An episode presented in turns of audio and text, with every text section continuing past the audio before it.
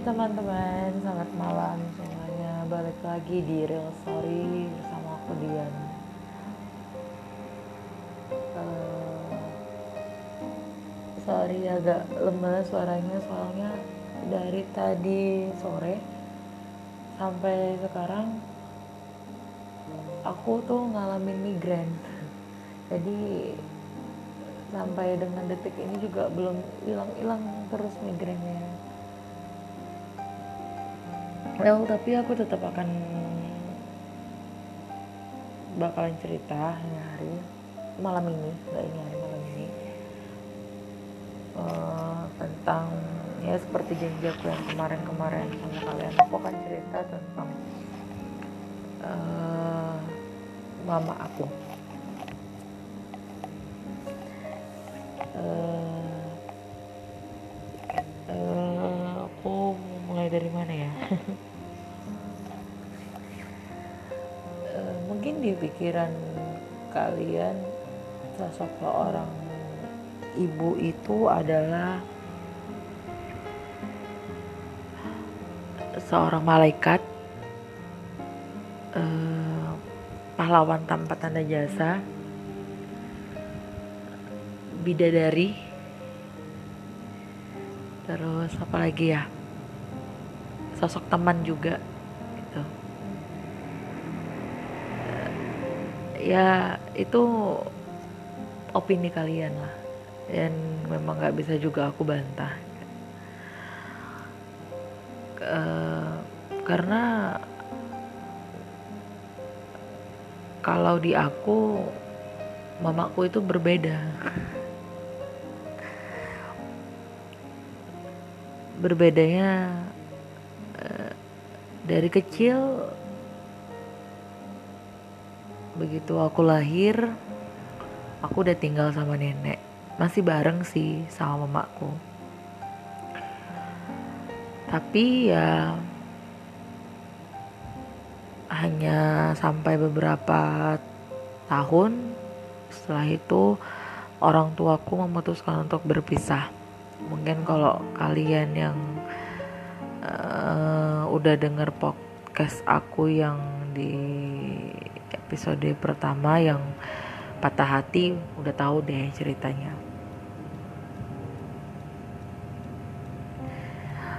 jadi setelah orang tuaku berpisah mamaku memutuskan untuk kembali ke rumah orang tuanya dan aku tinggal bersama orang tua bapakku.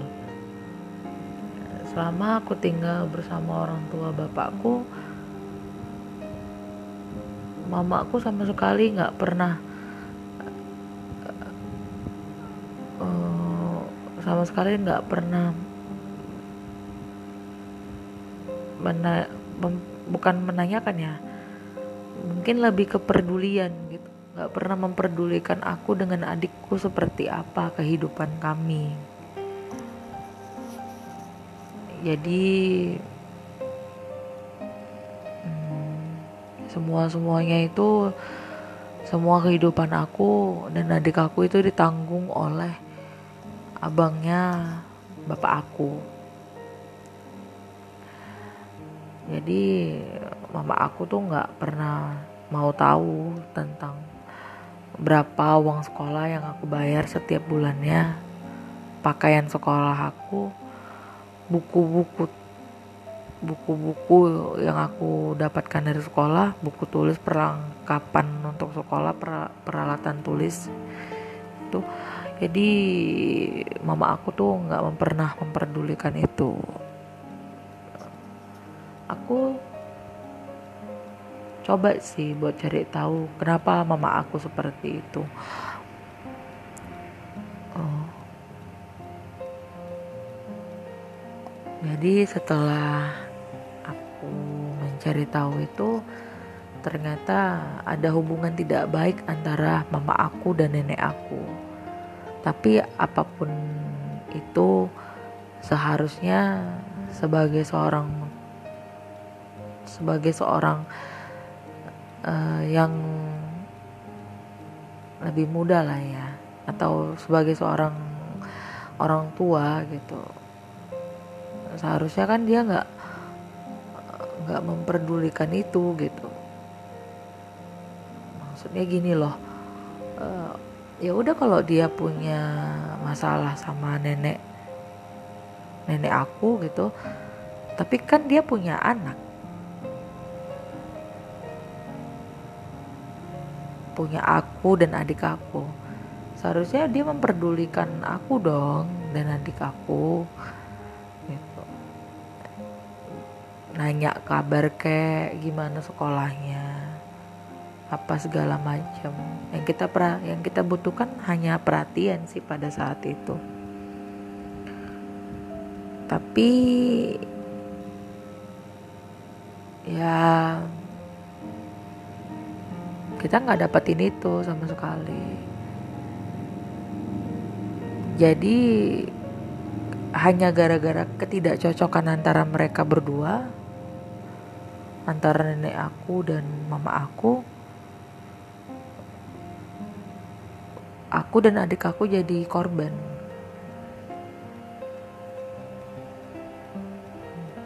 Ya, singkat cerita hari berlalu tahun berganti aku makin tumbuh dewasa.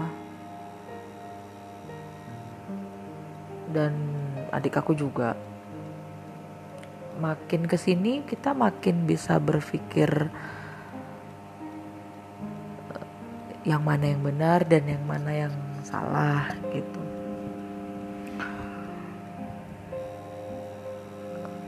Banyak hal yang kami pikirkan. Dan banyak hal juga yang kami sudah bisa untuk pilah-pilah. Yang ini yang baik untuk kami dengar dan ini yang tidak kebetulan mama aku TKW di Singapura. Udah lama banget kerja di sana dari beliau pisah sama almarhum bapak aku.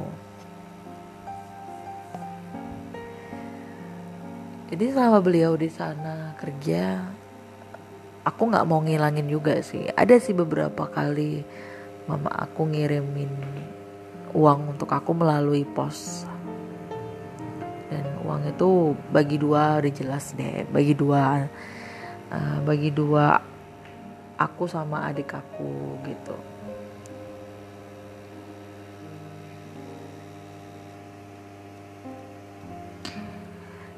Jadi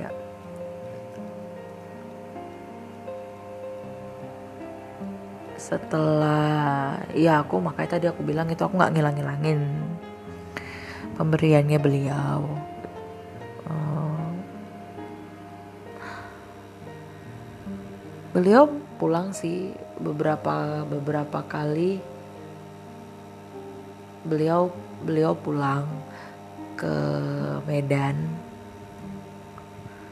Tapi nggak nggak pulang ke rumah nenek aku. Dia pulang ke rumah orang tuanya jadi ya itu tadi. Ketika mama aku pulang ke rumah orang tuanya aku itu sama adik aku nggak pernah dikasih tahu gitu. Seperti dirahasiakan. Ya aku sebagai anak bertanya-tanya dong kenapa mama aku melakukan hal itu? Hal kesalahan besar apa yang pernah aku perbuat sampai mama aku melakukan hal itu dengan aku dan adikku gitu. Aku sampai berpikir untuk mengakhiri hidup gara-gara hal itu. Karena aku merasa tidak pernah disayangi oleh oleh mama aku gitu. Padahal orang tua aku satu-satunya cuma mama aku ya karena kan bapak aku udah meninggal di umurku 8 tahun. Waktu aku masih duduk di kelas 3 SD jadi aku cuma punya mama gitu. Tapi kenapa mama aku melakukan hal itu? Di situ sih aku sedih gitu. Aku mencoba untuk mengakhiri hidupku. Aku, ketika aku tahu uh, dia pulang aku datang ke rumah nenekku aku mau ketemu sama mamaku tapi mereka bilang nggak ada mama aku nggak ada di sini gitu. Terus nggak lama mama aku keluar nyuruh aku diam. Itu aku pulang keluar dari rumah itu aku nangis nangis dan aku mencoba untuk mengakhiri hidup aku. Sampai aku sampai aku tiba di di rumah di rumah aku di rumah nenek aku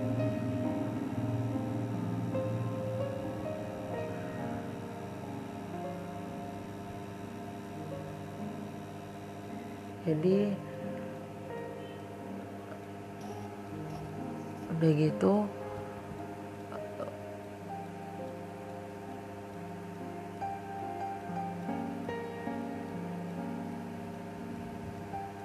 uh, ya waktu pada saat itu aku memang benar-benar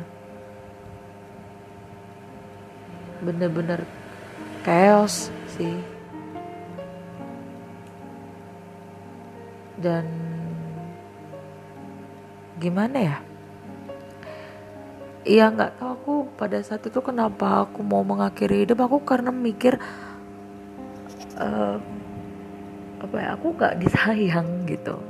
Mama aku mama aku nggak sayang sama aku. Jadi buat buat apa aku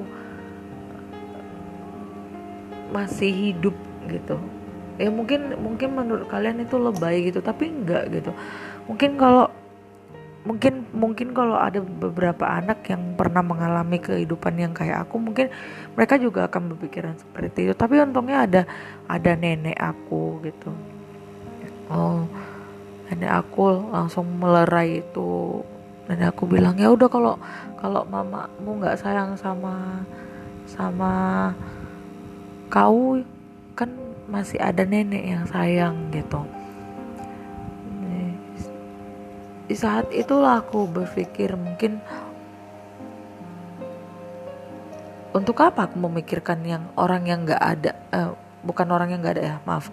Untuk apa aku memikirkan orang yang belum tentu memikirkan diri aku, diriku dan adikku sedangkan orang yang jelas-jelas ada yang ada di hadapan di hadapanku yang selalu ngasih kasih sayang sama aku ngasih cinta sama aku memperhatikan aku mem, memperdulikan aku gitu kan. Aku nggak memikirkan dia gitu tapi aku malah memikirkan orang yang nggak ada dan mungkin pun aku nggak tahu dia tuh sayang atau enggak sama aku gitu.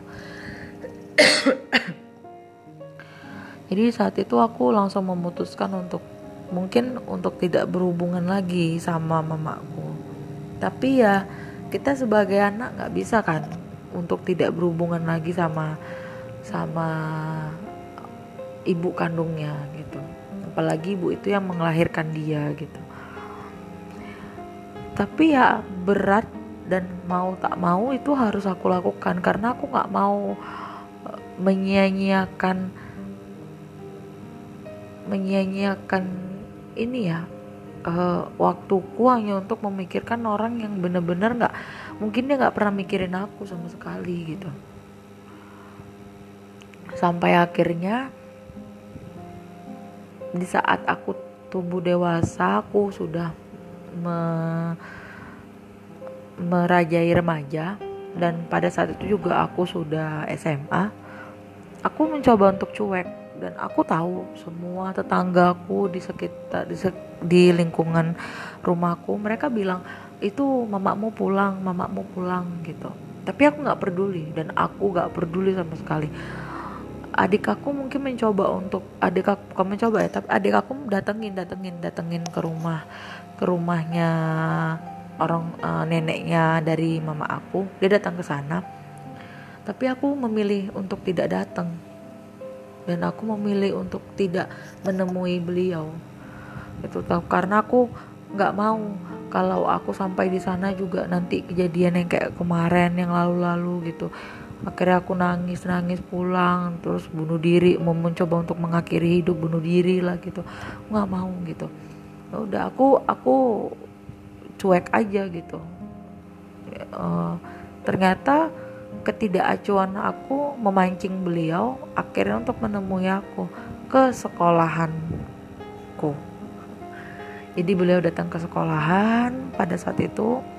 Ya pada saat itu aku cuma berpikir untuk apa mendatang untuk apa datangin aku ke sekolahanku? gitu. Ada apa? untuk kan bisa menemui aku di rumahku. Sama aja dong kayak gini dia mencari masalah sama aku dan mau buat aku malu gitu. Ya udah akhirnya dia datang. Aku malu pada saat itu aku bener-bener malu. Semua teman-teman aku ngeliatin aku. Teman-teman aku mungkin pada saat itu ada yang uh, menghakimin aku. Uh, mungkin dia ngomong kok gitu sih sama mamamu? gitu. Tapi ya mereka aku nggak aku bukan bangsa orang yang ingin menjelaskan sesuatu hal itu secara detail enggak Aku cuma bilang sama teman-teman aku, yang tahu kehidupan aku hanya aku. Yang tahu masa kelamku itu aku.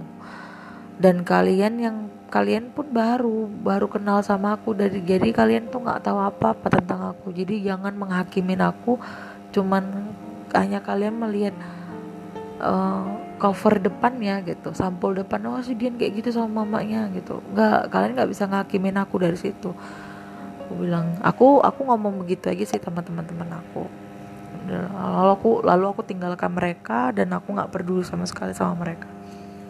Terserah mereka mau ngomong apa tapi yang jelas mungkin kalau ada orang yang ngerti posisi aku pada saat itu aku sangat mengapresiasi itu gitu kan. Maksudnya aku makasih gitu tapi ada juga orang yang nggak yang mungkin ya terlalu naif ya mungkin ya mungkin ya ibu-ibu kalian atau mama-mama kalian mungkin pada saat itu ya sayang sama kalian gitu. Mungkin kalian mikirnya dia adalah bidadari kalian malaikat kalian tapi kan beda gitu. Ibu tetaplah ibu gitu. Tapi kan perlakuan ibu itu ke kita kan itu kan kita yang mengalami gitu. Nah, jadi singkat ceritanya uh, itu untuk terakhir kalinya uh, aku ketemu beliau. Setelah itu ada sih ketemu lagi gitu. Jadi mulai dari situ beliau mungkin uh, sadar gitu jadi beliau mulailah untuk uh, coba menginfokan bahwasanya beliau mau pulang gitu. Dari situ sih ber, beliau berubah sama aku. Lebih lebih kayak uh, care gitu peduli nanya-nanya apa segala macam. Ya aku nggak apa-apa sih kalau cuma diperhatiin dari uh, udah makan belum? Uh, sehat sehat nggak? Uh, uh, terus uh, uh, gimana kabarnya hari ini atau dia cuma mau bilang I love you gitu. Aku tuh udah udah yang sekecil itu pun aku aku terima kasih loh gitu. Walaupun itu bukan berupa aku, inget ya uh, aku bukan orang yang kita kasih duit berarti kita peduli. Enggak aku bukan orang yang kayak gitu gitu. Bahkan kalau mama aku pun nggak ngasih aku dia nggak menyekolahkan aku dia nggak membiayai sekolah aku dia nggak membiayai kehidupan aku. Tapi walaupun dia cuma nanya apa kabar nak? Sehat uh, sehatnya? Kayak mana kabarmu? Sehatnya? Uh, gimana sekolahmu? Gitu.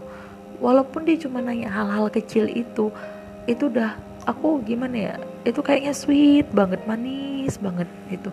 Kadang nggak semua anak lo berpikiran oh ya mak gua kerja di si kerja di luar negeri uangnya banyak nih pasti ini lo ini. Enggak enggak semua anak mungkin ada beberapa anak yang berpikiran seperti itu tapi enggak semua anak seperti itu. Ya kalau gua sih pribadi enggak gua kalau ditanya-tanyain aja uh, udah makan belum? Gimana kabarnya sehat nggak? Perutnya masih sering sakit nggak gitu? Apalagi kan gue termasuk orang yang mempunyai riwayat hidup asam lambung gitu. Mah juga gitu kan. Jadi ya kayaknya kok diperhatiin hal kecil kayak gitu gue udah seneng aja gitu. Walaupun cuma ditanya yang begituan. Tuh. Jadi udah gitu singkat ceritanya uh, kehidupan gue udah mulailah stabil gitu. Uh, mam mama juga udah mulai care sama sama aku gitu kan. Uh, dan ya mak uh, gimana ya menjelaskannya? Aku tuh kadang-kadang sama mama aku tuh bisa kayak Tom and Jerry gitu.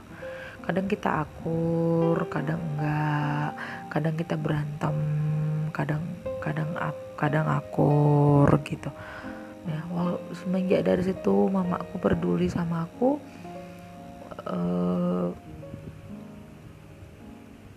aku sih welcome gitu sama beliau.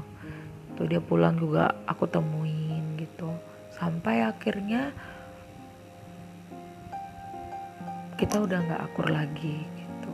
Jadi aku bingung sih harus gimana gitu sama beliau. Uh, padahal kalau dipikir-pikir uh, aku nggak peduli ya beliau nggak ngebiayain sekolah aku beliau juga nggak ngebiayain hidup aku gitu. Tapi walaupun dia cuma bilang how are you? I love you. Itu menurut aku tuh udah sweet banget. Ah, dan aku aku nggak butuh uang dia gitu. Aku nggak eh sorry aku sampai nangis jadi ceritanya. Aku nggak aku nggak butuh nggak butuh uang beliau gitu. Beliau cuma nanya kabar aku aja aku tuh udah senang banget. Dan aku tuh sebenarnya kangen banget sama beliau. Kangen ketika dulu pernah beliau pulang kita masih akur-akurnya. Uh, karena juga uh, almarhum juga baru aja meninggal gitu. Uh, kita pernah tidur bareng. Aku pernah nginep di rumah rumahnya mama aku. Uh, dia tuh bacain dongeng. Dia tuh masakin aku sarapan pagi sama adik aku. Terus uh, dia uh, apa ya ngisirin rambut aku nguncirin rambut aku gitu. Itu kayaknya aku aku kangen loh sama hal-hal yang kayak gitu gitu. Aku kangen banget sama hal-hal yang begituan aku tuh pengen mengulangin mengulangin itu lagi. Aku pengen mengulang itu semua gitu. Yang ketika kayak gini biasanya aku lagi migrain uh, pernah aku tuh migrain juga pada saat itu. Dan beliau itu kayak mijitin mijitin kepala aku gitu. Aku aku tuh kayaknya cuman hal yang kayak gitu aja pun aku tuh udah seneng banget gitu karena aku memang benar-benar kangen gitu sama mama aku. Ter uh, terlewat lah dari apa yang udah dia lakukan ke aku. Dia nggak ya kalau dibilang nggak bertanggung jawab ya gitu. Dia udah udah punya anak melahirkan udah melahirkan aku terus dia nggak nggak nggak peduli gitu sama biaya sekolah aku biaya hidup aku gitu kan. Ya mungkin ya ada ketidakcocokan antara dia dan nenek aku ya sudahlah itu urusannya mereka gitu kan. Tapi ya jangan aku juga aku dan adik aku juga jangan ikut dimusuhin gitu. Karena apa pun kejadian yang lampau kami itu nggak tahu sama sekali gitu apa pun itu kejadian yang lalu-lalu kami nggak tahu sama sekali gitu. Jadi jangan jangan apa ya jangan sebarkan kebencian juga untuk kami. Jangan jangan kami juga ikut dimusuhin gitu loh. Aku dan adik aku jangan juga ikut dimusuhin. Kalau dia memang punya masalah sama nenek aku sama keluarga dari bapak aku ya sudah. Itu itu bersikaplah dewasa itu urusan dia dengan mereka gitu. Tapi jangan aku sama adik aku dijadikan korban. Apalah salahnya cuma nanya kabar. Kadang pun kita nanya kabar dia nggak peduli gitu. Saya gimana ya dingin sikapnya gitu. Kita nanya kabarnya dia juga dia dingin. Jadi kita merasakan emang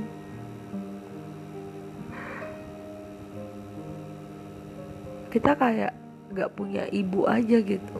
Makanya kadang-kadang kita kalau ditanyain orang ngasih punya orang tua aku mungkin kalau adik aku mungkin masih ngaku kali ya. Kalau aku ditanyain aku yatim piatu gitu. Karena kadang kadang-kadang gitu sakit gitu perasaan aku. Aku punya ibu aku punya mama. Tapi mama aku nggak peduli gitu akan akan aku gitu. Nggak peduli dengan keadaan aku gimana. Gitu loh. Jadi ya mungkin itu yang bisa aku share sama kalian malam ini. Ya uh, ya sorry ya aku sambil nangis akhirnya menjelaskan ini semua gitu. Uh, buat para ibu di luar sana kalaupun kalian memang harus berpisah dari suami kalian dan kalian punya masalah sama keluarga suami kalian, tolonglah jangan korbankan anak kalian.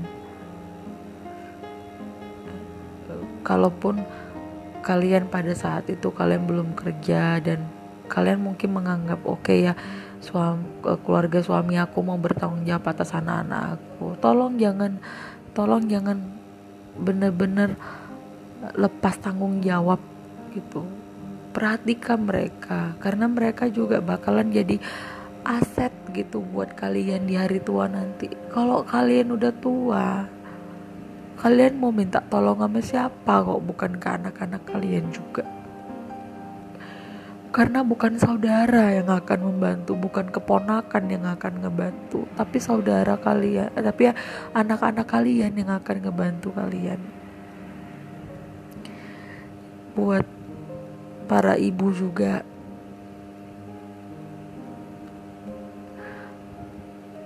kalian apa gak ingat dulu ya 9 bulan mengandung mengandung anak-anak kalian mempertaruhkan hidup dan mati kalian gitu. Terus cuman gara-gara kalian gak cocok sama keluarga suami kalian kalian harus mengorbankan anak-anak kalian gitu. Coba itu dipikir-pikir lagi deh.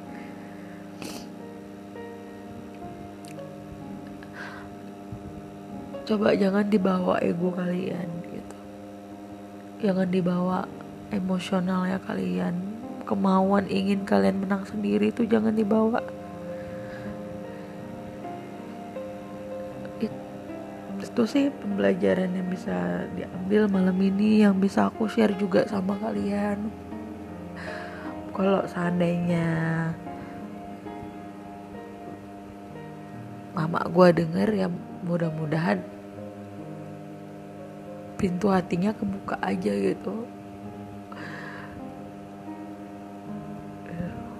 Mom, I love you.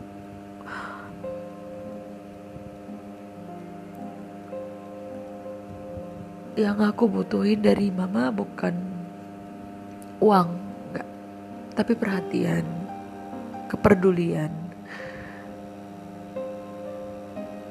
Even mama cuma nanya how are you, are you fine, or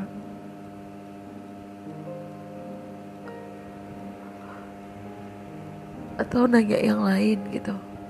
Nggak apa-apa gitu. Aku udah udah menghargai itu semua kok. Uang bisa aku cari. Mungkin kalau ada pun juga kata-kata aku yang sering salah sama mama aku pernah kasar sama mama. Itu cuma karena kadang-kadang aku emosi aku nggak tahu aku harus gimana. Mama sama nenek itu penting buat aku. Nenek yang udah ngasuh aku dari kecil. Dia mempertaruhkan semuanya demi demi aku sama Kiki. Demi aku demi aku dan adik biar bisa sekolah biar bisa kita pakai pakaian bagus. Walaupun kita nggak punya orang tua tapi kita masih bisa hidup layak hidup bahagia. Tolong jangan jangan ego dibesar-besarin. Mama juga udah udah mau kepala lima tolonglah. Rasa sakit hati benci ego tuh tolong agak-agak dikurangin atau dihilangin sama sekali. Mama boleh benci sama nenek, mama boleh benci sama keluarga bapak, tapi tolong jangan benci kami juga. Jangan benci Dian dan adek jangan. Karena gimana pun mantan anak itu gak ada mantan mama apalagi itu gak ada. Yang ada itu mantan suami mantan mertua tapi mantan anak dan mantan mama gak ada.